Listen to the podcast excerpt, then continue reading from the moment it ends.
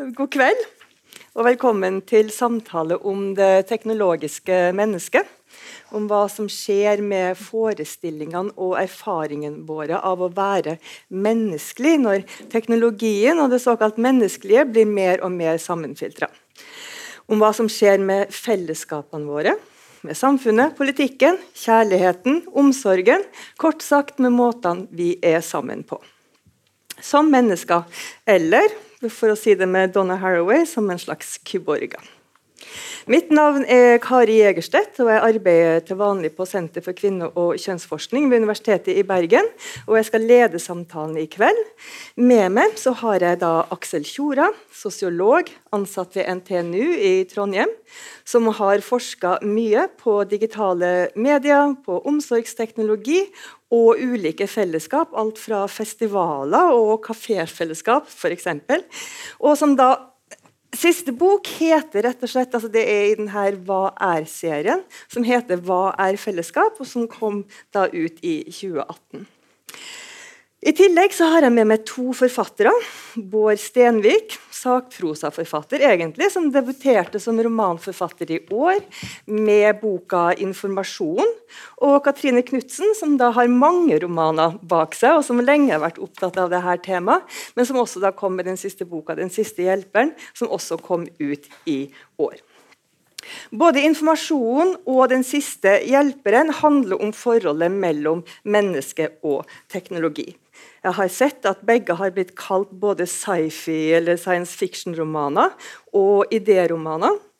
Som leser så sitter jeg vel egentlig mest igjen med følelsen av å ha lest to veldig dystopiske samtidsskildringer.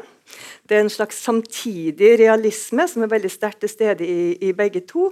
Eh, som er veldig lett gjenkjennbar, kobla sammen med mer eller mindre avanserte teknologiske utviklinger, som for da en som ikke vet om alt hva som faktisk rører seg i teknoverden, like gjerne kan være under utprøving som ikke. Informasjonen handler om psykologen og næringslivscoachen Sven Borg, ekspert på kroppsspråk, som da blir headhunta av maskinen selv, får vi senere vite, til å lære bort kroppsspråk, ansiktsmimikk og følelsesuttrykk til den kunstige intelligensen SAM. Kort for Synchronized Artificial Mirror, altså synkronisert kunstig speil, samtidig som forholdet til kjæresten Nora går i stykker. Sam blir da etter hvert Svens nærmeste fortrolige, hvis det går an å si det sånn, en slags digital tvilling. Og På romanen sin 'Vaskeseddel' kan vi også lese at informasjon er et kjærlighetsdrama mellom en mann, en kvinne og et dataprogram. Den siste hjelperen fortelles av en navnløs kvinne, enke og eneforsørger for to barn, som bestemmer seg for å selge en av nyrene sine for å få nok penger til å leve et godt liv sammen med barna, mens det ennå er tid. Vi møter henne første gang når hun våkner opp fra narkosen. og Romanen er en rekke tilbakeblikk på hennes tidligere liv som hjelpepleier på demenslandsbyen Viljen, som frivillig i organisasjonen Englene, som Englene, som da driver med aktiv dødshjelp, som tidligere gårdsarbeider på en farm med genmanipulerte geiter, som student, kjæreste, barn og mor. I boka finner vi en tematisering av en rekke såkalte tilrettelagte fellesskap, som da er halvt naturlige og halvt kunstige. Eh, ikke bare flokken med genmanipulerte geiter og demenslandsbyen, men helt gjenkjennelige hverdagslige fenomener som svømmehallen, fellesskapet som oppstår rundt foreldre og barn på kunstgressbanen, fornøyelsesparker, i kunstig opplyste boligfelt og ikke minst i møte med døden. Slaktehuset og det menneskelige dødsrommet til dødsengelen i Sveits. Vi skal komme tilbake til begge disse romanene i større detalj etter hvert. Eh, men jeg vil gjerne spørre da forskeren Aksel Tjora først, hva han mener er de største mulighetene og de største utfordringene den nye teknologien stiller mennesket og de menneskelige fellesskapene overfor. ja. Ja, nå skal dere høre Nei da. Eh, hvis jeg kan starte litt personlig. Ja. Eh, på en måte Utforskningen av eh, fellesskap som jeg tenker er er eh, noe som vedrører både det si, analoge og digitale, hvis man skal si det sånn. Både det som er på en måte veldig fysisk, i møte i hverdagen, ansikt til ansikt, og det som i stadig større grad dominerer mange av våre liv. Som handler om det å kommunisere til ulike mennesker som man kjenner godt eller mindre godt. Eh, men ved bruk av tekst og bilder og video og sånn via en digital plattform som Facebook eller Twitter eller Snapchat osv. Eh, hvis vi lar det ligge litt, bitte litt, så tenker jeg at de, hvis vi på en måte går litt sånn innover i oss sjøl, eh, både liksom biografisk, eller liksom tilbake, tenke på hva vi gjør i dag, i hverdagen, så vil de fleste, i hvert fall de av oss som er eh, så gamle som meg, som er liksom passert 50, de vil tenke at man har opplevd fellesskap i ganske mange, ulike, på ganske mange ulike måter, ganske mange ulike dimensjoner. Uh, og jeg vokste opp i bl.a. på Andøya fra jeg var to til jeg var elleve. I det man kan trygt kalle en slags militærgetto. av en far som var i Luftforsvaret. Fra Orion og lette etter sovjetiske ubåter i Barentshavet. Det var liksom den aktiviteten som brakte oss til Andøya, og som egentlig bandt hele det, den, si, den militære delen av det samfunnet sammen. Uh, hvor det med fellesskap var, var, på veldig mange plan. Uh, vi hadde fedre som holdt på med det samme. Vi, ungene lekte jo krig og holdt på med det samme mer eller mindre hele tida. Godt influert av liksom det miljøet vi var en del av. Våre mødre var stort sett hjemme. Eh, og hadde liksom sine sånne mødre- og kvinnefellesskap Eh, på daglig basis. Eh, og opp gjennom åra har jeg flytta til Østlandet, opplevd savnet av fellesskap. Komme i en klassesituasjon hvor man kommer inn som femteklassing i en barneskoleklasse med alt er veldig etablert og fastlåst sånn, i strukturer. Hvor man føler at man ikke greier å koble seg på, og ender opp i litt sånne tvilsomme relasjoner og, hvor ting er litt vanskelig. Og i, opp gjennom i eh, ungdom og med veldig varierende grad av å føle en tilhørigheten. Eh, og så har man jo, eh, tenker jeg, i, i de opplevelsene og, som har vært mitt, mitt sånn store, store sosiologisk prosjekt. Selv om den boka som heter 'Hver fellesskap' er, er, den, er den minste boka jeg, har skrevet, så det har vært den vanskeligste. Fordi at det har vært et veldig betydningsfullt prosjekt for meg. Og Et av de eh, prosjektene eh, handler på en måte om eh, La oss si fellesskapets eh, muligheter i en verden som preges mer og mer av eh, digitale kommunikasjonsformer. Eh, og hvis vi tenker på mange av de formene, så er det veldig tekstbasert. Det er veldig tekstbasert, det er mer og mer bildebasert i og for seg, men fortsatt veldig tekstbasert.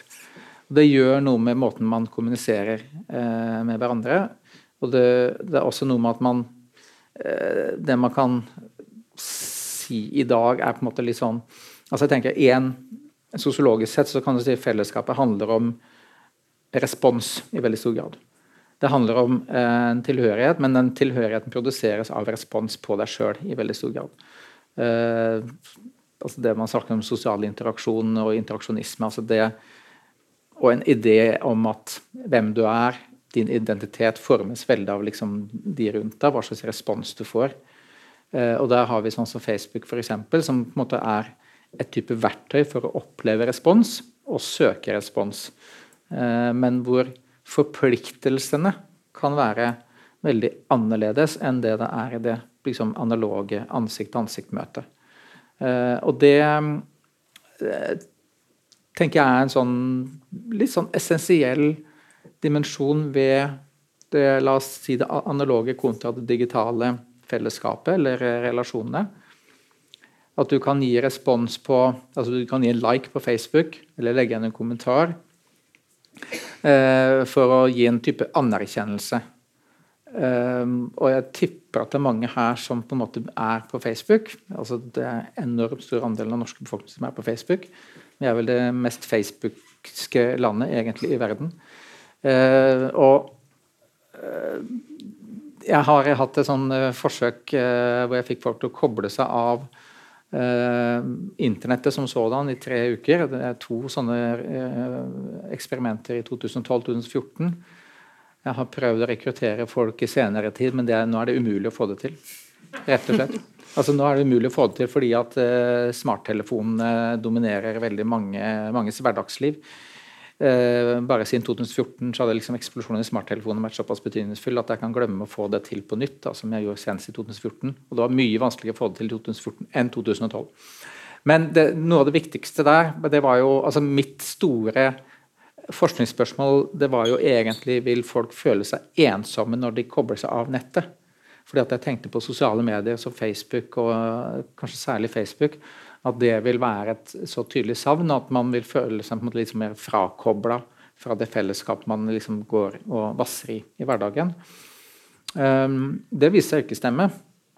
Uh, og så har jeg uh, Vi gjorde intervjuer av det her underveis. og så fant jeg hva, hva, Hvordan er det at man la oss si, kompenserer uh, det at man bruker mindre En ting er at man bruker mindre tid på de sosiale mediene. En annen ting er at man Eh,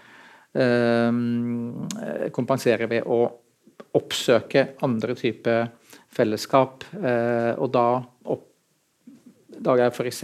sånn type eh, som at en del av de studentene som var med på det, ja, de satt litt lenger i, ettermiddagen på campus f.eks. Eh, de endra hele sine hverdagsrutiner. Eh, fordi at nå var det ikke noe vits å dra hjem etter man har vært liksom, på campus og studert. fordi at hjemme så pleide man å ordne seg en liten middag sjøl å sitte foran datamaskinen, enten laste ned en serie eller være på Facebook. eller noe sånt. Nå var jo ikke det noe vits, for det var jo ikke noe der hjemme. Så at man liksom begynte å leve et annet liv. Og, ga meg, og de som var med, var fra mellom 20 og 30. Og det, det sier oss noe om at måte, tilstedeværelsen i den type sosiale medier er en helt sånn eh, fundamental side ved hverdagen såpass fundamental at hvis man plutselig ikke er der lenger, så endrer man på en måte hele, hele dagsrutinen. Uh, for meg som Jeg ble veldig overraska av det. Jeg følte meg når jeg hadde holdt på med å på en måte gjøre den analysen, som ennå ikke er ferdig. Jeg synes Det er flaut at jeg ikke har greid å publisere noe på det, men saken er at jeg har drukna meg sjøl i data og andre prosjekter. Men eh, jeg følte meg så eldgammel når jeg oppdaga hvordan de mellom 20 og 30 uh, på en måte, og kanskje mer mot 20 enn 30, de som var med. Hvordan det å eh, være, om ikke heldigital, så veldig digital stadig vekk, hvordan det på en måte var så fundamentalt. Jeg oppdager også sånne type ting som de hverdagsproblemene det medførte å ikke være på nettet. Eh, F.eks. går det an å finne ut når bussen går uten å være på nettet. Du får ikke kjøpt billett på bussen uten å og eksist, eksistensen, liksom eksistensen av bussrute på papir som faktisk mm. fin, fantes, i hvert fall da, det var ute av Det var på en måte ikke noe man var bevisst om enn de som var med på prosjektet. Eh, så, så heldigvis sånne praktiske ting som fant at ok, man har egentlig Men forandrer det noe altså grunnleggende menneskelig? For én ting er at man forandrer altså Man kan ikke se bussruta, man må ha smarttelefon for å se når bussen går. Men gjør man akkurat de samme tingene, bare at man bruker tida på forskjellige plattformer? Eller forandrer det noe som er sånn grunnleggende hva som er forholdet mellom mennesker, tror du? Det er et av, noen av de mest um noe av de viktigste måte erfaringene som en del av de som var med på de prosjektene, fortalte om, det var på en måte ei av de som var med, som hadde en sønn på to år. Eh, som eh, ja, var veldig på smarttelefon og nettbrett og sånn hjemme. Og plutselig, når du var med på det prosjektet, oppdaga at du plutselig så sønnen sin. For at du satt ikke med en skjerm hele tida mens han lekte. liksom sånn. Plutselig så hadde hun sin oppmerksomhet på den. Og det, det var en sånn skjellsettende opplevelse. Fordi at det handla ikke om at hun Altså det å oppdage liksom sønnen sin mye mer nært og observere, på en måte være mer oppmerksom, var jo én ting. Men på en måte sjokket over å oppdage hvor lite oppmerksomhet det hadde vært når hun var på nettet. Mm. At det er det som er litt av essensen av at du Hvis jeg spør dere liksom, hvor mye tid bruker dere på internett hver dag, ikke sant? Kan dere fortelle meg det? Så kan dere alltid anslå en time, men det vil være definitivt helt feil og helt fullstendig absurd informasjon. For at du kan egentlig først vite når du kobler av nettet. Og det som skjedde, var at måte, ja, de deltakerne fikk vanvittig god tid. Og det var tid de ikke visste fantes. Ikke sant? Fordi at uh, Man fyller inn alle småpauser og sånne type ting ved å gjøre småting på, på nett, eller sitte og søke på noe, eller være på Facebook. Eller, sånn, eller man sånne, skaper seg egentlig også sånne pauser. Oh, ja, altså Pausene blir litt lengre. ikke sant? For en, en, en, pause blir kanskje litt mindre kjedelig hvis du er på nettet og gjør et eller annet. Mm. Så en ja, pause ikke sant, som, som, skulle vært liksom fem minutter, den blir 25 fordi at du sånn, hekta det opp i noen lenker videre og sånt på, på internett f.eks. Men, men, det som er på en måte liksom fundamentale der, tenker jeg at eh, ok, de ble ikke mer ensomme, men de ble mer de fikk bedre tid, og en del av den tida brukte de jo sosialt. Så ei av de fortalte også sånn at ok, men hun ble sittende sammen med mora si eh, og prate langt utover kvelden. Og det hadde aldri skjedd før. Hun kunne ikke huske at det hadde skjedd før, fordi at eh, det, var alltid noe som skjedde på nettet som gjorde at man liksom aldri hekta seg på en sånn litt, litt sånn lengre, dypere samtale.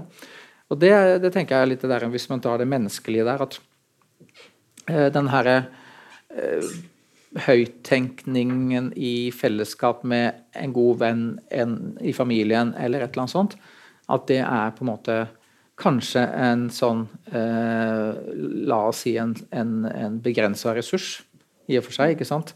Og at den, Det er kanskje også en sånn, litt sånn trua type ressurs da, i, i, i den, liksom den her samfunnet hvor, hvor man er veldig opptatt av å komme tilbake ja. til det. for ja, Jeg tror jo også det er ganske vanlig at når vi snakker liksom den nye teknologien og den teknologiske utviklinga, så snak, tenker vi veldig mye på de digitale mediene og, og forholdet mellom det digitale og det analoge. ikke sant? Men du kan jo også tenke deg at de situasjonene hvor man faktisk sitter sammen og snakker nå, ikke på internett, men face to face, er jo også mediert veldig teknologisk. Så vi sitter jo også her med telefoner og alt mulig sånne ting. Så jeg er liksom interessert, Hvis vi prøver å utvide kanskje også litt den her forståelsen av teknologi, og hva er det som går inn i de her ulike systemene som, som definerer de menneskelige fellesskapene, jeg har lyst til å komme litt uh, inn på din uh, roman, den siste hjelperen. For det jeg finner et veldig sånn sentralt tema i din bok. Det er jo det her de halvt menneskelige og de halvt teknologiske, eller i hvert fall kunstige, artifisielle systemene som vi hele tida inngår i alle slags sammenhenger. Altså, det vanvittige ved arbeidet vi, vi, legger ned for å holde det sammen. Uh, kontrasten mellom det vi forestiller oss er systemets teknologiske renhet og, og, og avfallet som hele tida truer med å løse opp de her systemene, enten det er organisk eller uorganisk. Uh, spre ut systemet. Jeg synes jo Det er en fantastisk skildring bl.a. av um, et en barnebursdag i en svømmehall, hvor du har da klorvannet, ikke sant? som da er en slags ren beskyttelse mot kroppsligheten, mot avfall.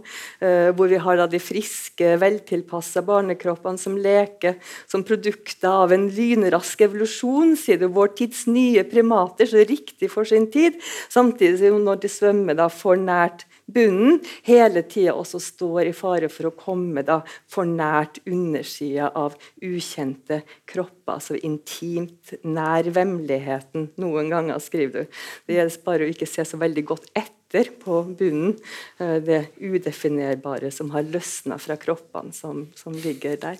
Eh, det er jo også i den sykehusscenen, den der eh, kappa som hun har på seg, som er helt steril, men hvor du aner alle de restene av det, av det menneskelige. For jeg tenker også, det, det, digitale er jo også så rent, ikke sant? mens her har vi alt det grumset. Og det er kanskje enda sterkere i beskrivelsen av kunstgressbanene. Ehm, men her er det jo de svarte gummigranulatene som hele tida truer med å slippe unna en forurensning. Du kan fortelle litt om akkurat det. Ja, det er liksom dette hvor øh, Jeg er veldig opptatt av hvor nært eh, alt ligger hverandre. Så grensene er så hårfine mellom det som er innenfor, utenfor, og det som vi ser som ja, det reine. Hvordan vi hele tiden søker å avgrense og forholde oss til det, det vi vil se, og det som vi vil ha definert. da. Så akkurat det med kunstgressbaner det, jo, Som forfatter så har jeg vent meg til å jeg må jo bruke alle situasjoner på å prøve å eh, reflektere. og Når jeg står der med fotballbanene med barna, barna, mine, så må jeg da prøve å Hva er det jeg har her som, jeg kan, som sier meg noe om verden vi lever i? Så da har jeg altså da egentlig på et tidspunkt gitt opp for meg da, hvor eh, egentlig absurd, da, kan du si absurd er litt sånn tomt ord, men eh, dette å se etter kunstgresset. Og, og hvordan det da styrer eh, aktiviteten, og hvordan dette er eh, sånn selvfølgelig er lagt ned som et sånn slags, har blitt et sånn eget naturlig habitat. Da. Disse barna som løper på dekket med plaststrå og ja, til dels oppmalte bildekk. Nå har det blitt litt mer fokus på det å bruke litt andre materialer. Hvordan vi ikke vil se det åpenlyset av og til. Da, Jeg har skildra bl.a. hvordan det ligger sånne små hauger med granulat på avveie. Og hvordan vi liksom, på en måte både, både, vet og ikke vet at dette er noe sånn litt eh, gift, miljøfarlig, giftig vi, vi, vil ikke la de små barna leke med det. Og, og vi skjønner at det er noe ikke bra ved det. Samtidig så vil vi jo se denne fantastiske lyse, fine aktiviteten med de friske barna som løper. Og så hele tiden er det jo sånn med de skylappene våre. Plutselig så ser mange det på likt. Det som har ligget under rett etter at jeg hadde skrevet denne boka, så plutselig så ble det en voldsom oppmerksomhet rundt kunstgressbaner. Og jeg tror ikke det er fordi jeg skrev denne boka, men da hadde det ligget under, og så hadde det plutselig kommet i overflaten, som veldig mange andre fenomener. Altså alle Ting som, som alle har, har hatt barn ja. som, som, spiller fotball, vil da kjenne seg veldig godt igjen i det der. Det ligger sånne granulater overalt. Altså, du har det altså, i oppvasken, i vaskemaskiner, mm. i alle kroker og kriger. Altså, de sprer seg jo veldig mye. og Det minner meg jo litt om det du skriver i, i, i boka di 'Fellesskap' også. Altså, akkurat de her grensene. ikke sant? Uh, altså, hva er det inkluderes og ikke inkluderes, som, som, sier veldig mye om fellesskapet. Og i din bok så er det jo ikke bare det at det skjer, men det skaper jo et, et veldig nært fellesskap mellom foreldrene, som da kommer sammen, som samler sammen alle de granulatene, spar de opp, putter de tilbake der de skal være, prøver å holde ungene oppå toppen og ikke rulle seg for godt inni. Og så alle de fantasiene og forestillingene om renhet, fysisk fostring, barn som springer, mitt barn, glede, aktivitet, som det her eh, systemet da opprettholde. Og den energien som går inn i, uh, inn i, det. Som også er en form for teknologi. da, ikke? Altså At man holder oppe det her, uh, her systemet. Så det jeg lurte på, uh, i forlengelsen av det skal vi komme tilbake til det digitale om ikke så lenge. Hva slags type menneske er det det her samfunnet fostrer? For vi må vedlikeholde de her teknologiske systemene, enten det er gummi eller det eh, er, er, digital utflyting. Eh, så jeg lurte på om du kunne lese litt fra, fra boka di, eh, hvor du på en måte beskriver For hovedpersonen her er jo egentlig veldig har jo veldig problemer med å tilpasse seg det her samfunnet. Men hun har da en venninne, Gina, som egentlig er den type mennesker som man trenger. Ja, kanskje. hun er en slags ja, Jeg kan bare gå rett på Gina er menneske som er tilpasset denne verdenen, kan du si. da. Gina står med en kaffebeholder i hånda, blikket rett fram. Hun utstråler en blanding av trygghet og resignasjon. Hun er en av dem som alltid viser ansiktet tydelig, som ikke er nervøs for hvordan hun ser ut. En av de robuste, men levende. Hun blir ikke sliten av å stå her, må ikke klamre seg fast i seg selv for å ikke kjenne seg tilintetgjort, i fare for utslettelse, slik som jeg. Jeg hviler når jeg er i større folkemengder, men her, i slike gjennomtrekkssituasjoner av kjente, halvkjente og ukjente, gjør det vondt, fysisk vondt. Alt dette utstråler så hardt nå, det kommer mot meg fra alle kanter. Men Gina er en av dem som behersker å være her. Hun forsvinner ikke for seg selv, og lar seg ikke innta. Lar ikke omgivelsene presse seg inn i seg. Hun føler ikke det allestedsnærværende trykket. For hun har passe mengder av dette inni seg, og er derfor ikke truet av en osmotisk utligning, som jeg er. Fordi jeg prøver å beskytte det jeg har inni meg. Til slutt må man åpne seg, jeg vet det. Hvis jeg blir her lenge nok, så kommer den osmotiske utligningen til å skje. Det er en lov, Konsentrasjonen kan ikke i lengden være så sterk utenfor og så svak inni meg. I dette landskapet finnes Gina. I dette samfunnet oppstår Gina. Jeg har tenkt og tenkt på hvem hun er, har i lengre tid betraktet henne, Snakket med henne i løsrevne brokker. Forsøkt å forstå hva en kvinne som henne er laget av. Gina er en av dem som samler alt det gjeldende i seg. En kvinne som føder sine barn. Leverer dem inn først i barnehagesystemet, siden skolesystemet. Som går hånd i hånd med idretten. Dens mange forskjellige greiner. Fotball, håndball, ski, friidrett. Alt dette er tilsynelatende selvgående. Det rekrutteres stadig nye mødre. Det er som naturlover. De penses trygt inn på et spor, de fleste. Noen få faller utenfor, har massive problemer. Familier som ikke får det til, som aldri har fått det til.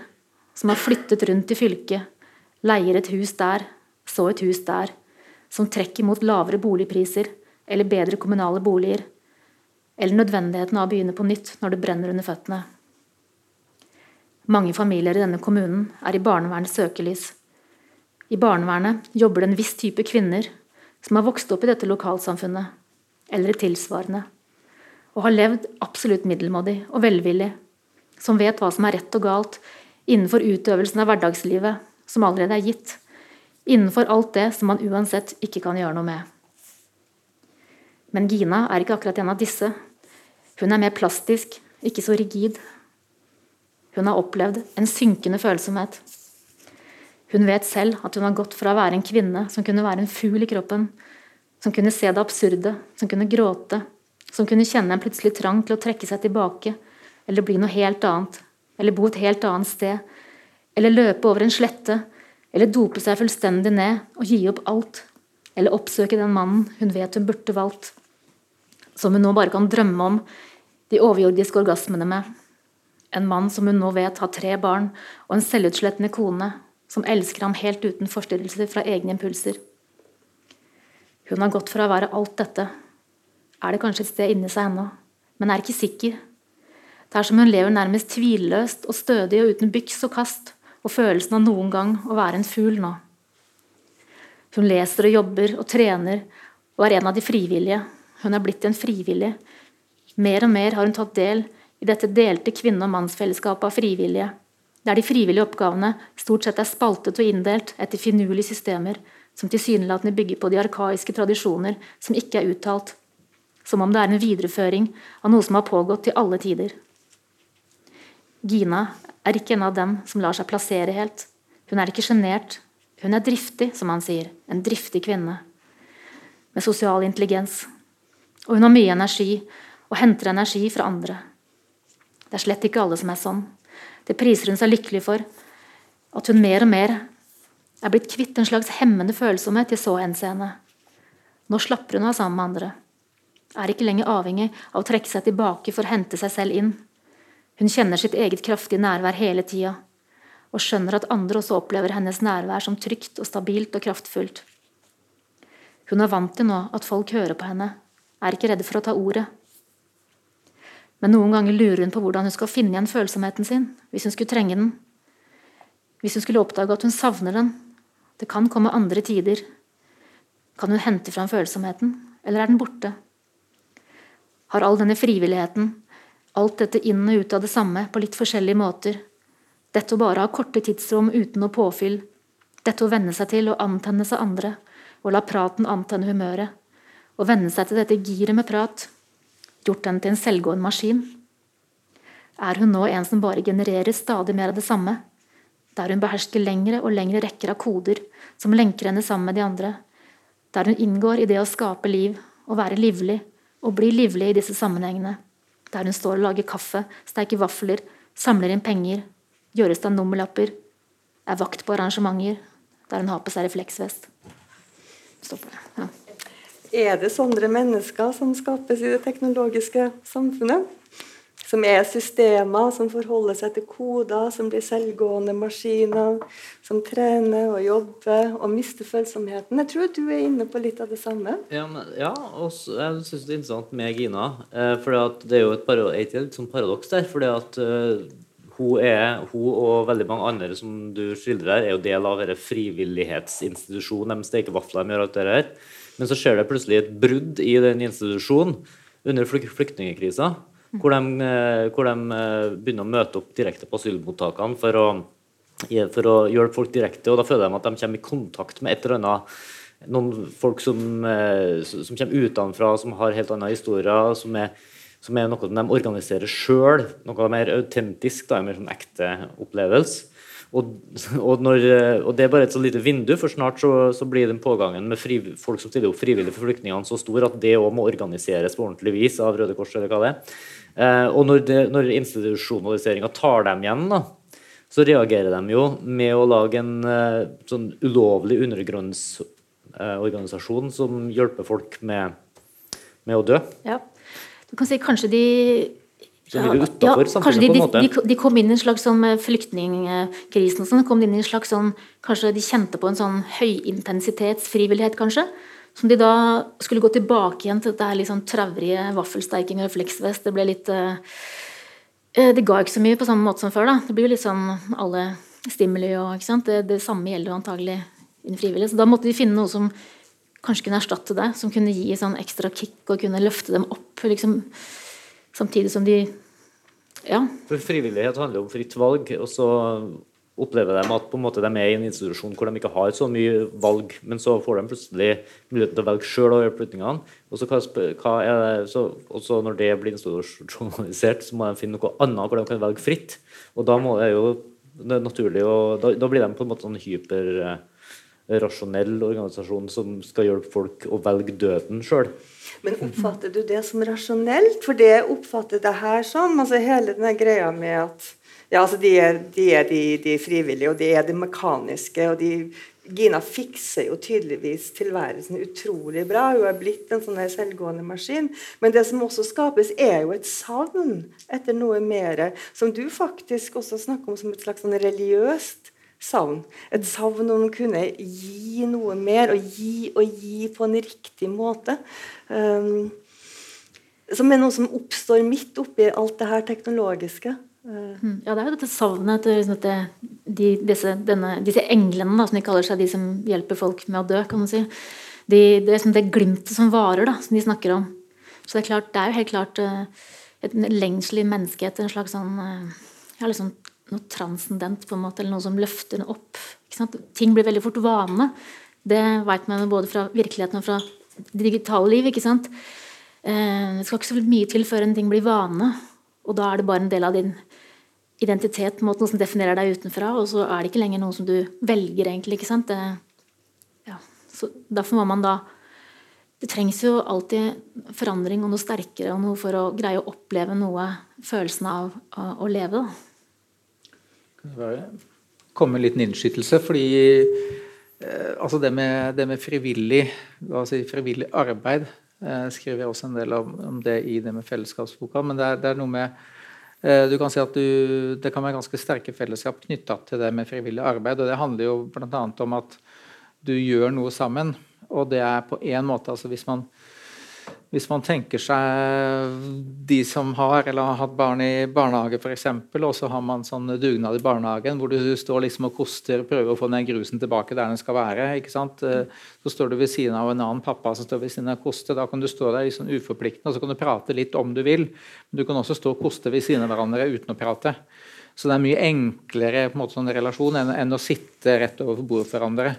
Så det er også på en måte den, den herre Altså det, det, å gjøre noe sammen som, eh, som bringer eh, Altså gjøre konkret arbeid sammen, om det er betalt eller ikke betalt. Det trenger ikke å være den store forskjellen med at du, du, gjør noe sammen, du produserer noe sammen, genererer noe sammen som er eh, liksom løfter fram at man oppnår noe som man gjør sammen, som man ikke hadde gjort hvis man ikke gjorde det sammen.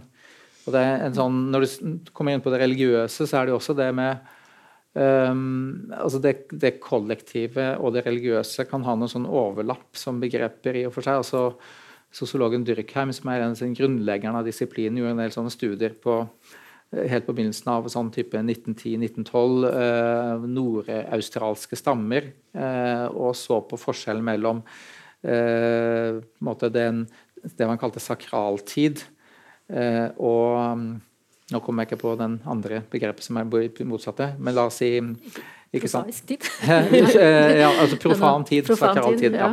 Eh, liksom alt, alt det dagligdagse skjer, og så, er det, en, eh, så har man en, en, noe man kan Vi kunne godt kalt det en festival, eller kan kalt det en happening. Altså, eller man kunne kalt det en slags uh, gudstjeneste, om man ville, eller et eller annet sånt som er, har et religiøst aspekt.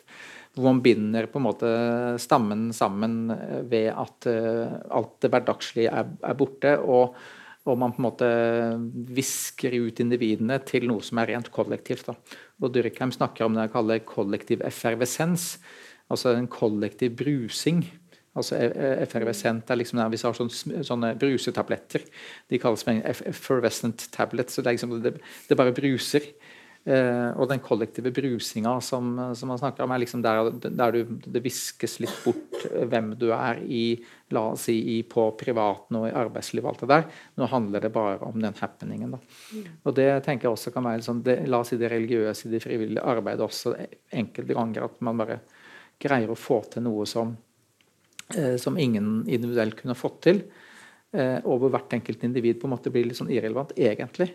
For det er liksom det, det store liksom ja. religiøse kollektivet som Og det er jo de genmanipulerte sauene. Har jo, ja. Geitene har jo et sånt forhold. ja. Jeg tenkte jeg skulle ha en kommentar for nettopp ja. det som mm. ikke sant, du på en måte regisserer, og det er helt enig med deg, at uh, ofte er det ikke oppgaven som blir gjort. Som, det er liksom på en måte det, det som da blir et slags sånn biprodukt av oppgaven. ikke sant? Det er det som er viktig. Det som uh, genereres gjennom at man gjør noe som, man, som, kanskje ikke vedkommer en sånn veldig, men som må gjøres. Og så blir det dette menneskelige som oppstår. Og sånn sett kan man bare hvordan det da står i motsetning til rene interessestyrte fellesskap. ikke sånn, sånn som i vår Facebook-tid.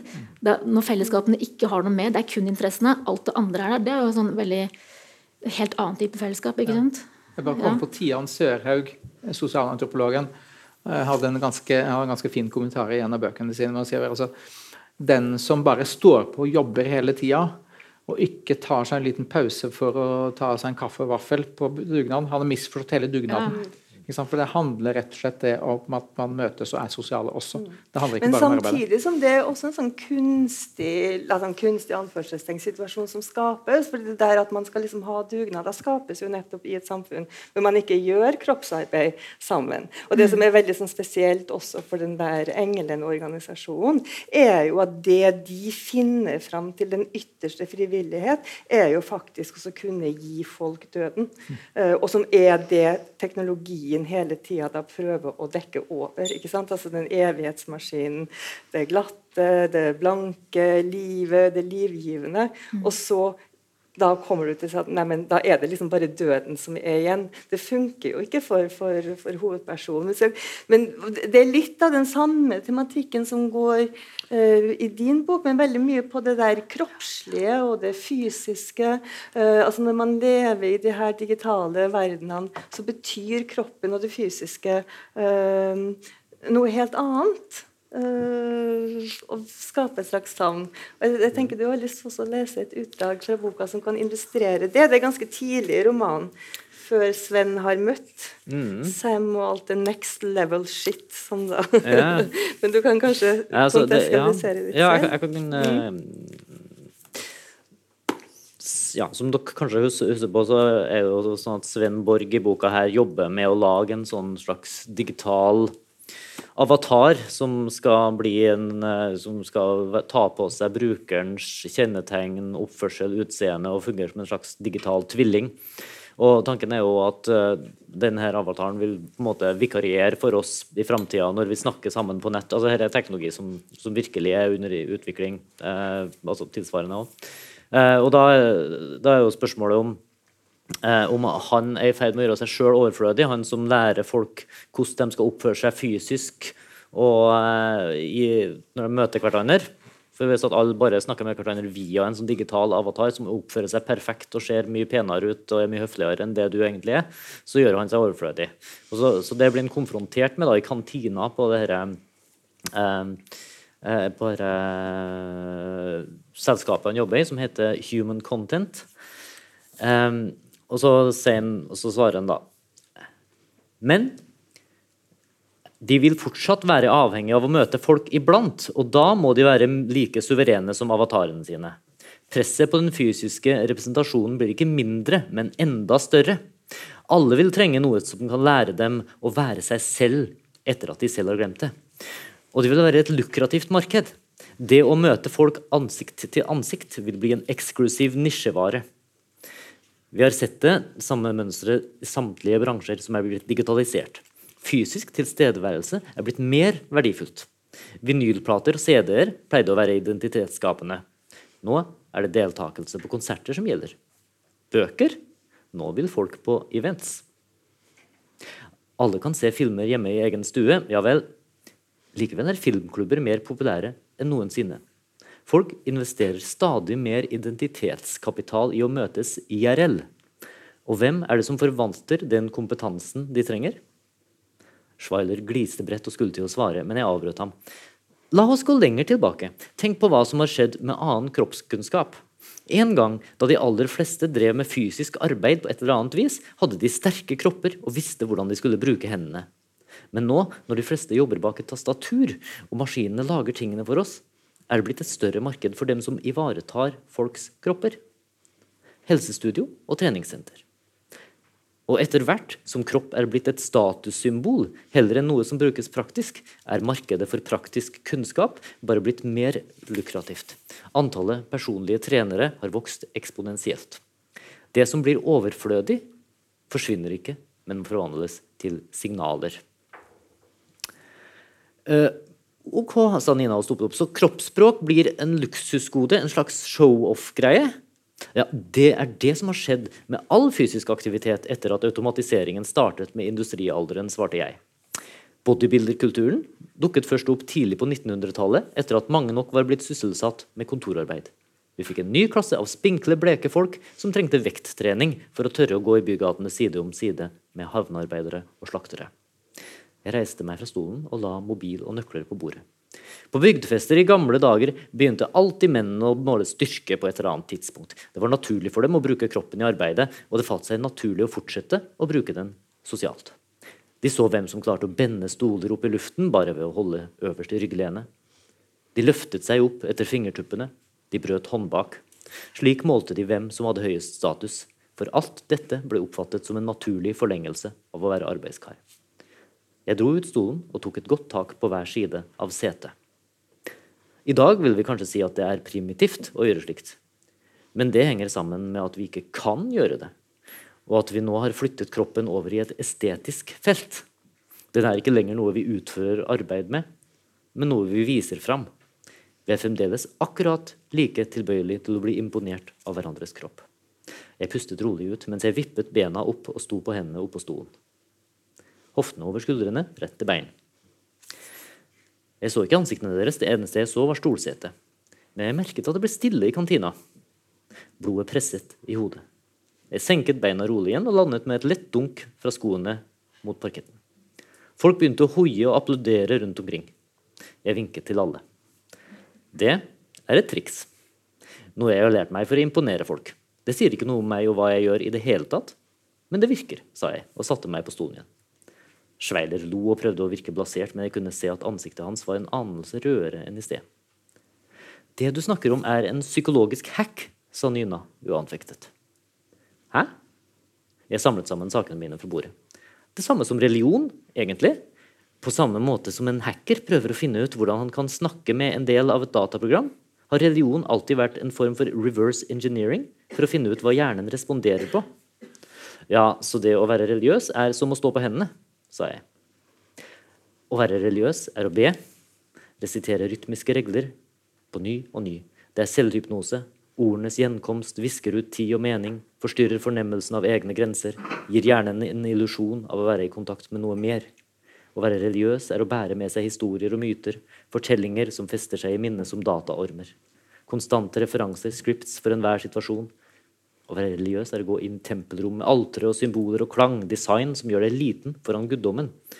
Ikke minst er det å snakke i mnemoniske mønstre med tre repetisjoner, som jeg nettopp gjorde. Jeg lo. og vi som ikke er religiøse, dere, sa hun med trykk på ordet, er programmert av andre psykologiske hacks. Fortellinger om framskritt, vitenskap, natur. Historier om dere selv fra barndommen, som dere bærer med dere for å holde orden på egne holdninger og nykker. Disse fortellingene er kanskje mer subtile triks enn å stå på hendene. Men de er fortsatt triks. Se, det handla om religion der Ja, det gjorde det. Jeg Det gjorde det. det, ja. Så det er akkurat som det kommer et slags sånn religiøst savn eh, som, som står opp. Så, men, altså, det som skjer, altså Sven Borg er jo egentlig en ganske ufordragelig fyr. Han er ikke noe sånn spesielt eh, um, og det som, altså, Han avkles jo ganske, ganske mye i løpet av, av fortellinga. Um, han har jo alle de der ja, så Han kontrollerer jo kroppsspråket, men han kontrollerer jo egentlig ingenting. Eh, og det som går igjen hele tida, at man skal samle nok, mer og mer informasjon hele tida. Eh, men den skal ikke bety noen ting. Altså Det er også en sånn tømming for følsomhet, akkurat det samme som Gina gjør. Eh, og det går jo ganske dårlig i, i, i det forholdet etter hvert også. Eller vi er jo ikke helt sikre på hva som egentlig skjer, men det er jo tydelig at det er antageligvis Nora som har gått fra han, og ikke omvendt, sånn som, sånn som, som han tror. Men jeg, jeg synes er utrolig fascinerende med de her, begge de her romanene, er jo at det faktisk er fortalt fra et fortellerperspektiv som nærmest er posthumant. Uh, fordi at din fortelling er jo da altså, Og det er jo veldig klart fortalt etter at hovedpersonen har solgt en nyra, bestemte seg for det, har operert seg og våkner opp og ser da livet gjennom nye øyne. Og du tematiserer det jo også altså, med en sånn referanse til Tarkovskij sin film 'Stalker', at har man kryssa en sone, så, så, er alt annerledes. Og det er det annerledesblikket som, som kommer. Din roman er også fortalt i ettertid, og nå skal jeg ikke røpe akkurat hva som skjer, for de transformasjonene som skjer med Sven Borg, er jo en del av, av spenningsplottet her. ikke sant? Men du har jo undertittelen på boka. Narrativ kompilasjon Sven Borg, nummer 9 218 927. Og det er jo flere sånne hint i boka at ja, men nå forstår jeg noe annet. I min nye tilværelse, min nye eksistens. Kan dere si noen ting om hva det gjør med kreativiteten og forestillinga å prøve å se menneskelivet fra et sånt posthumant perspektiv? Du først? um, ja, det kan jeg jo sikkert. Um, det, det, det som, er, uh, som, slo meg nå faktisk i dag, uh, når jeg tenkte litt bare med fellesskap, er at, er at det her er jo på en måte uh, fortellinga om en person som søker fellesskapet fremfor alt. altså Sven Borg ønsker å fungere perfekt i sosiale fellesskap med andre. Han ønsker å få andre folk til å flire når han vil at de skal flire. Han ønsker at de skal like en. Han vil liksom hjelpe dem som snubler på gata. Han vil gjøre alt, alt rett. Uh, men det, den eneste måten han, han, får til å gjøre det på, er gjennom å følge uh, sånn sjølhjelpsmetoden. Uh, eller å prøve å kvantifisere ansiktsuttrykk og kroppsspråk og alt mulig sånn. Og det er jo rett og slett den, han, Sånn sett er han en slags versjon av av de sosiale mediene. For det er jo nettopp det de handler om. Å prøve å finne en eller annen måte å kvantifisere menneskelig oppførsel og ikke minst menneskelige følelser. Altså hvis du har, Særlig etter at Facebook gikk over fra bare å ha likes til at de har hjerte, sinne, trist, alle disse tingene her. Mm. Uh, og i det hele tatt det at når du er inne på Facebook, så det at antall likes, antall hjerter, antall folk som venner du har altså Alt dette er forsøk på å omgjøre det menneskelige i sosialiteten altså til nummer og statistikk. Og Det er jo hans livsprosjekt for at han skal takle det. og Til slutt så, så går han jo mer, ja, mer, eller mindre over til å være et uh, dataprogram, kan du si. Uh, men, det, men, det, kan du også si om veldig mange av uh, oss som er på, på Facebook. da. Altså, Jeg merker jo at jeg som som forfatter jeg skal helst være synlig på Facebook, på et eller annet vis, og da blir jeg jo opptatt av at forfattersida mi har så og så mange likes. og da, da, bruker jeg jo mye av tida mi på å forstå men hvordan foregår det, hvordan får jeg mest mulig delinger, hvordan, hva skal jeg formulere, hvordan skal jeg gjøre dette. Så vi blir en, på en måte en del av dataprogrammene. Og det som vi glemmer da, er jo at fort er jo at dataprogrammene det vi blir en del av, er jo ikke noe som skal, egentlig skal lage et sosialt fellesskap. Selv om Facebook sjøl framstiller det sånn, så er det jo fremfor alt noe som skal skape reklameinntekter og ekstrahere eh, sosiale data fra oss. Og det er den måten vennskapene er strukturert på. Mm. Og Det er jo faktisk en interessant parallell til den boka. her, for Når hun bestemmer seg for å selge en nyre, så selger han nyra for veldig mange mange penger. og Det er jo etter hun har brutt med den der um, engleorganisasjonen. For der er det jo da den tegnet på den ytterste altruisme. At man har gitt bort en nyre helt gratis. Så hun kjøper seg jo inn også i det samme. Samtidig kan du si ikke sant, der er det også å se seg selv utenfra med et veldig kynisk blikk. Det er på en måte der eh, Jeg tror jeg skriver noe ja, Jeg tror jeg er litt inne i det området At det er veien liksom, hvor, hvor, er vi hen? Da har vi jo selv eh, inni Er det noe selv inni oss, eller er vi der ute? Altså det er veldig, Nå tar jo Bård det veldig eksplisitt ut, beskrivelsen av at cellet egentlig da tas ut både, det er både inne og utenfor, og er, ja, uten å røpe for mye om boka di nå, så at det nærmest spres Det kan være Det har nærmest ingen sentrering til slutt. Da. Det er både inni og utenfor. Og det er jo sånn, selv om man ikke eksplisitt skriver liksom, om det fra et teknologisk synspunkt, sånn, så er det jo sånn vi eh, veldig mange, de fleste, har jeg vil si alle som lever i dette samfunnet nå, har blitt på en eller annen måte påvirket av at vi eh, nå er Det jo, det sier også du i den psykologiske Jeg lærte veldig mye psykologi og sånn, jeg leser boka di også. Eh, blant annet at jeg må ikke sitte og ta meg i håret når jeg sitter og prater med for det underminerer alt jeg sier. sånn det passer deg ikke å gjøre det. Men, eh, ja. Også allerede på liksom, 60-tallet så var det selvfølgelig en del av psykologien at vi, vi er jo egentlig ikke hele selv, og har vi en gang vært og liksom, Der har, har vi hele modernismen. Og, men oppsplittingen bare fortsetter. da, Vi kan si at vi eh, Vi er vel kanskje mer enn noen gang nå i et sånt spenn mellom eh, liksom ytre definisjon og, og, et eller annet som er igjen her inne. liksom, Vi er heller pendler kan du si, da, mellom en sånn slags uh, utenforblikk på oss selv og å være noe. Og dette Vi definerer jo um, Vi blir på en måte sånn som kanskje Sven gjør med, med, Sam, og sånn som vi gjør i enhver Hvis vi er med en chatbot, eller liksom etter hvert som algoritmene innhenter oss. Da. I begynnelsen så er det Så kan vi Så tror algoritmene på alt vi sier, for da er vi Da kan eh, Da er, liksom, da er det jomfruelig for oss, da. Da kan vi um, Hva skal jeg si? Da, da er det sannhet, det vi sier om oss. Etter hvert som dette mikses opp i en stadig mer komplisert blanding av fakta, og liksom dataene blir større og større, og vi inngår i et eller annet definert uh, segment, så møter vi oss sjøl i døra i større og større grad. Hvor liksom, å, jeg er der ute. Liksom, du møter din smak, dine preferanser overalt rundt deg. Og blir på en måte liksom bura inne. da, Stengt inne. Samtidig som Uh, selv ikke er sentrert noe sted. Så, sånn, ja, jeg vet ikke om noen skjønte noe av dette, men eh, sånn, sånn føler jeg at det Jo, ja. men det ligger jo også en mm. lengsel etter en slags enhet og en helhet også i din bok som blir ja. splitta opp. Og i den boka her så altså Man aner jo egentlig ikke hva som er sant og ikke sant. altså Det er så mange forskjellige fortellinger som stemmer. Ja, um, en kommentar. For her, Vi må jo også avslutte. Og jeg har veldig lyst til at du skal si noen ting avslutningsvis om hvorvidt de her dystopiske virkelighetene som de ruller opp, er realistiske. Uh, og Hvis jeg bare kan få si litt om den demenslandsbyen din, for, eksempel, for at Hovedpersonen jobber jo i en demenslandsby hvor alt da er lagt til rette for at de som er demente, skal kunne bo der uten at de vet at de egentlig bor i en demenslandsby, men at livet fortsetter og fortsetter og fortsetter. Og fortsetter. Det er delt opp i ni forskjellige grupper, hvor de pårørende skal velge livsstil for dem, mm. uh, osv. Hvor de handler på butikken uten egentlig å handle på butikken. og Hvis de plutselig finner ut at de skal reise hjem, så sier de ja, men det er bare å gå og ta bussen. Og så går de og setter seg på busstoppet, som da er selvfølgelig sånn sekstitallskoloritt. Og så kommer jo selvfølgelig aldri bussen, da, men så glemmer de jo hvorfor de er der, og så blir de henta, og så kommer de tilbake igjen. Et sånt der narrefellesskap som er veldig viktig i den romanen. Ja.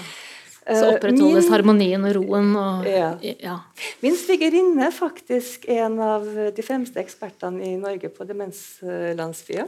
Eh, så jeg fikk henne til å lese romanen din, som jeg syntes var veldig god. og, og, spurte hun om realismen i det der. Og hun, ja, hun så jo at jeg hadde gjort et veldig veldig godt forskningsarbeid. og Hun har vært mye i Nederland og sett på, på akkurat de samme demenslandsbyene. Men hun mener at i Norge så er det annerledes at vi ikke har noe å frykte, fordi at vi har et annet lovverk, og vi har en større respekt for eh, menneskets eh, autonomi, og at vi, ikke, at vi liksom har et annet samfunn enn enn det som, som, skildres her. Og Da har jeg jo lyst til å stille liksom, spørsmålet også litt åpent. altså Har vi noe å frykte fra det her, eller er det en overdreven pessimisme? Er det realistisk? Hva er mulighetene for forandring? Jeg bare tenkte Kan kan kommentere om det er svar på spørsmålet, det kan man jo håpe. Men uh, det ligger jo, altså Sosiologen Irving Goffman ligger jo under her hele tida. Og hvor du nevner jo også Goffman, som er liksom, ja, grensen av sosiologien, sosialpsykologien, kan man vel si. det. Men som snakker om frontstage, backstage. og det, og det, det på en måte så har jo det, det har en slags posthuman side i den forstand at du kan si at Uh, mye av det vi bruker sosiale medier til, er jo en, en form for selvpresentasjon som på en måte lever sitt eget liv også på nettet. Uh, og det som du sa, Bård, at du, uh, du har din forfatterside, og du er interessert i at, sant, at ditt forfatterskap skal måte, nå flere, f.eks. Altså, hvis man tenker sånn type reklame og respons og en viss dialog som er knytta til forfatterskapet som en, en, en for så vidt et sånn eget eh, som en egen dynamikk og kanskje et eget liv på, et eller annet vis, som kan være kobla på ulike måter til deg som privatperson. ikke sant? Um, og det tror jeg mange vil kjenne igjen. og Jeg også um, bruker uh, Facebook kynisk uh, for å markedsføre ting som man har lyst til at folk skal bli oppmerksom på. Jeg har jo delt arrangementet her, ja, f.eks. på Facebook. Ja, jeg også har det. Det er delarrangementer der også si at nå er det en ny bok, eller si at Eh, at nå, eh, altså Det er også i, i jobbsammenheng for min del, altså eh, overfor studenter og sånt, at ok, nå, nå, nå lager vi en sånn type eh, gruppe som gjør at, at, det kan skje en type dialog som lever sitt eget liv, eh, som har, kan ha i beste fall en læringseffekt overfor studenter. Men, men, men, men, litt at det, det et sånne, altså, altså folk, som, eh, folk som dør som har vært aktiv på Facebook, så kan man jo ikke sant, si at uh, for mange av de så lever den Facebook-gruppa side uh, videre. Jeg hadde også en uh, tidligere som jeg spilte i band sammen med, som er Stig Jacobsen, prøvde å utvikle og det ga opp etter hvert, men prøvde å lage en slags sånn Facebook-løsning for avdøde. Altså for, for, at det skulle leve videre på et vis som en slags minnested. Um, så man kan tenke seg mange sånne løsninger som bringer fram det her den der, la oss si den posthumane frontstagen som en sånn sosial medium kan være. Da. Uh, og Det synes jeg er, det er veldig realistisk, for dette er her ikke sant, til de grader. Og selv om på en måte, Goffman skrev om det her på 50- og 60-tallet, uh, så, så, er det på en måte, det har kommet noen nye dimensjoner i de sosiale mediene. Da. Var det, rolle, var det han som hadde sånn rolleteorien? Ja. ja. ja. Mm. Og, ja, skal vi se det Spørsmålet ditt da, som går på, på måte, ja, hva går det om det her er realistisk, er én side. Jeg tenker at Mye av det som beskrives i romanen også er veldig nåtidig, sånn som jeg kan tenke meg. da. Uh, den herre um, veldig sånn, la oss si, teknologifiseringa av det kanskje mest komplekse i mennesket, som går på mimikk og kroppsspråk er jo en sånn liksom ta steget virkelig ut i den avanserte eh, maskinlæringa og kunstig intelligensen. ikke sant? Og, og, hvis man ser på det som skjer i dag innenfor de områdene, så er jo det det har kommet nok lenger enn det vi aner, de fleste av oss, egentlig. sant? Og jeg, bare for å ta den kommentaren til sånn um, Jeg har diskutert en del, med, med, en del av mine studenter på en måte det, uh, det, som jeg tenker kommer fram i, særlig i Bård sin bok, er at Eh, du på et eller annet vis overlater til eh, algoritmer eller andre tekniske systemer å ivareta noe av det menneskelige. Eh, og da Et av de eksemplene som jeg synes er interessante, som har vært en stund, det er sjekkeapper.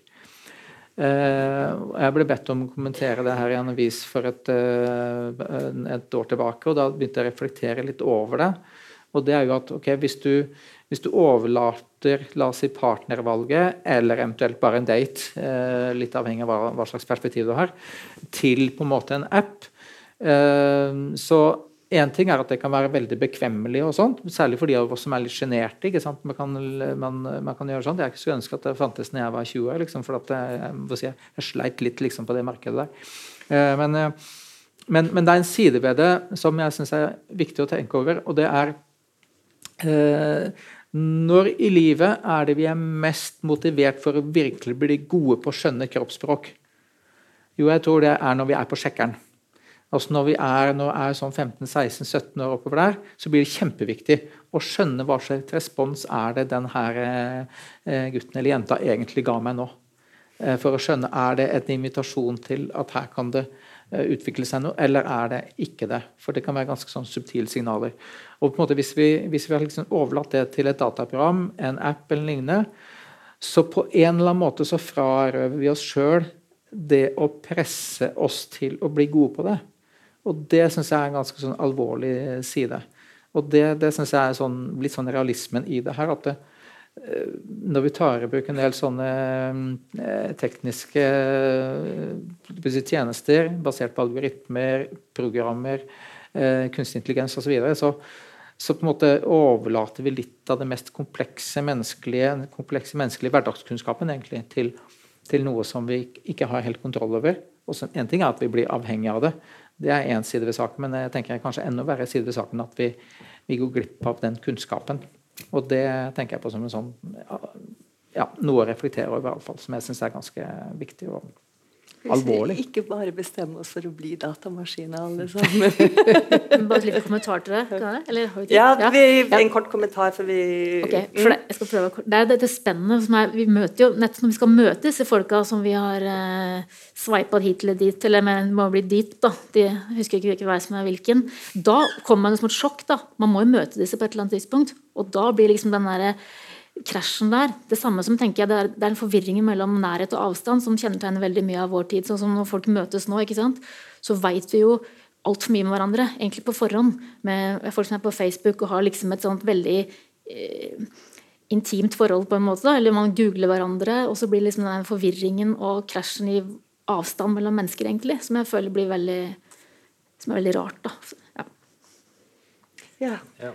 Det er jo sånn jeg leste nettopp nettopp biografien til en sånn eh, Silicon Valley-programmerer som heter Ellen Ullmann. og Hun skriver om det at det er jo altså, De som driver med sånne ting, er jo veldig klar over at det finnes et hierarki. At, at det, det, er mye den kontakten vi har online, eller via, via Skype eller via chatting, sånt, den er, har, er, veldig mye mindre effektiv og har mindre informasjon i seg enn hvis du møtes ansikt til ansikt for å snakke om f.eks. jobbproblemer. Sånt, så, så, er bare et kvarter der er veldig mye verdt, mens uh, i forhold til lang tid ellers. Og det, det har, men, men, det er så lett å gjøre ting online, for da har du tid til å formulere deg, ikke sant? og du er trygg bak de datamaskinene. Så det er mye, mye mindre risiko når det gjelder dating og alt sånt. Og det, det fører til at man, man har lettere for å beskytte seg mot virkeligheten, tror jeg, samtidig som det viser seg hele tida at den fysiske virkeligheten er tross alt bestandig det viktigste. Altså sånn, og at når, jo mer det blir av det som er på nett, jo mer blir den verdt. Sånn som f.eks. når Stanford og Princeton lager sånn massive utdanningsprogram som er tilgjengelig på YouTube, så det er jo millionvis som tar dem, men det viser seg at det er ingenting verdt. For det som er verdt noe, er å fysisk være til stede på Princeton eller Stanford og knytte nettverk der. ikke sant? Det er IRL det skjer. Det er AFK. Men da går vi ut av datamaskinen igjen, ja. og så møtes vi in real time. Eh, jeg har dessverre nødt til å avslutte, men jeg vil jo takke dere alle tre. Eh, og så har jeg fått høre at dere er nødt til å sitte igjen litt, i tilfelle dere har lyst til å komme opp og stille spørsmål. Det er også bøker til, til salgs um, om teknologien, så tusen takk.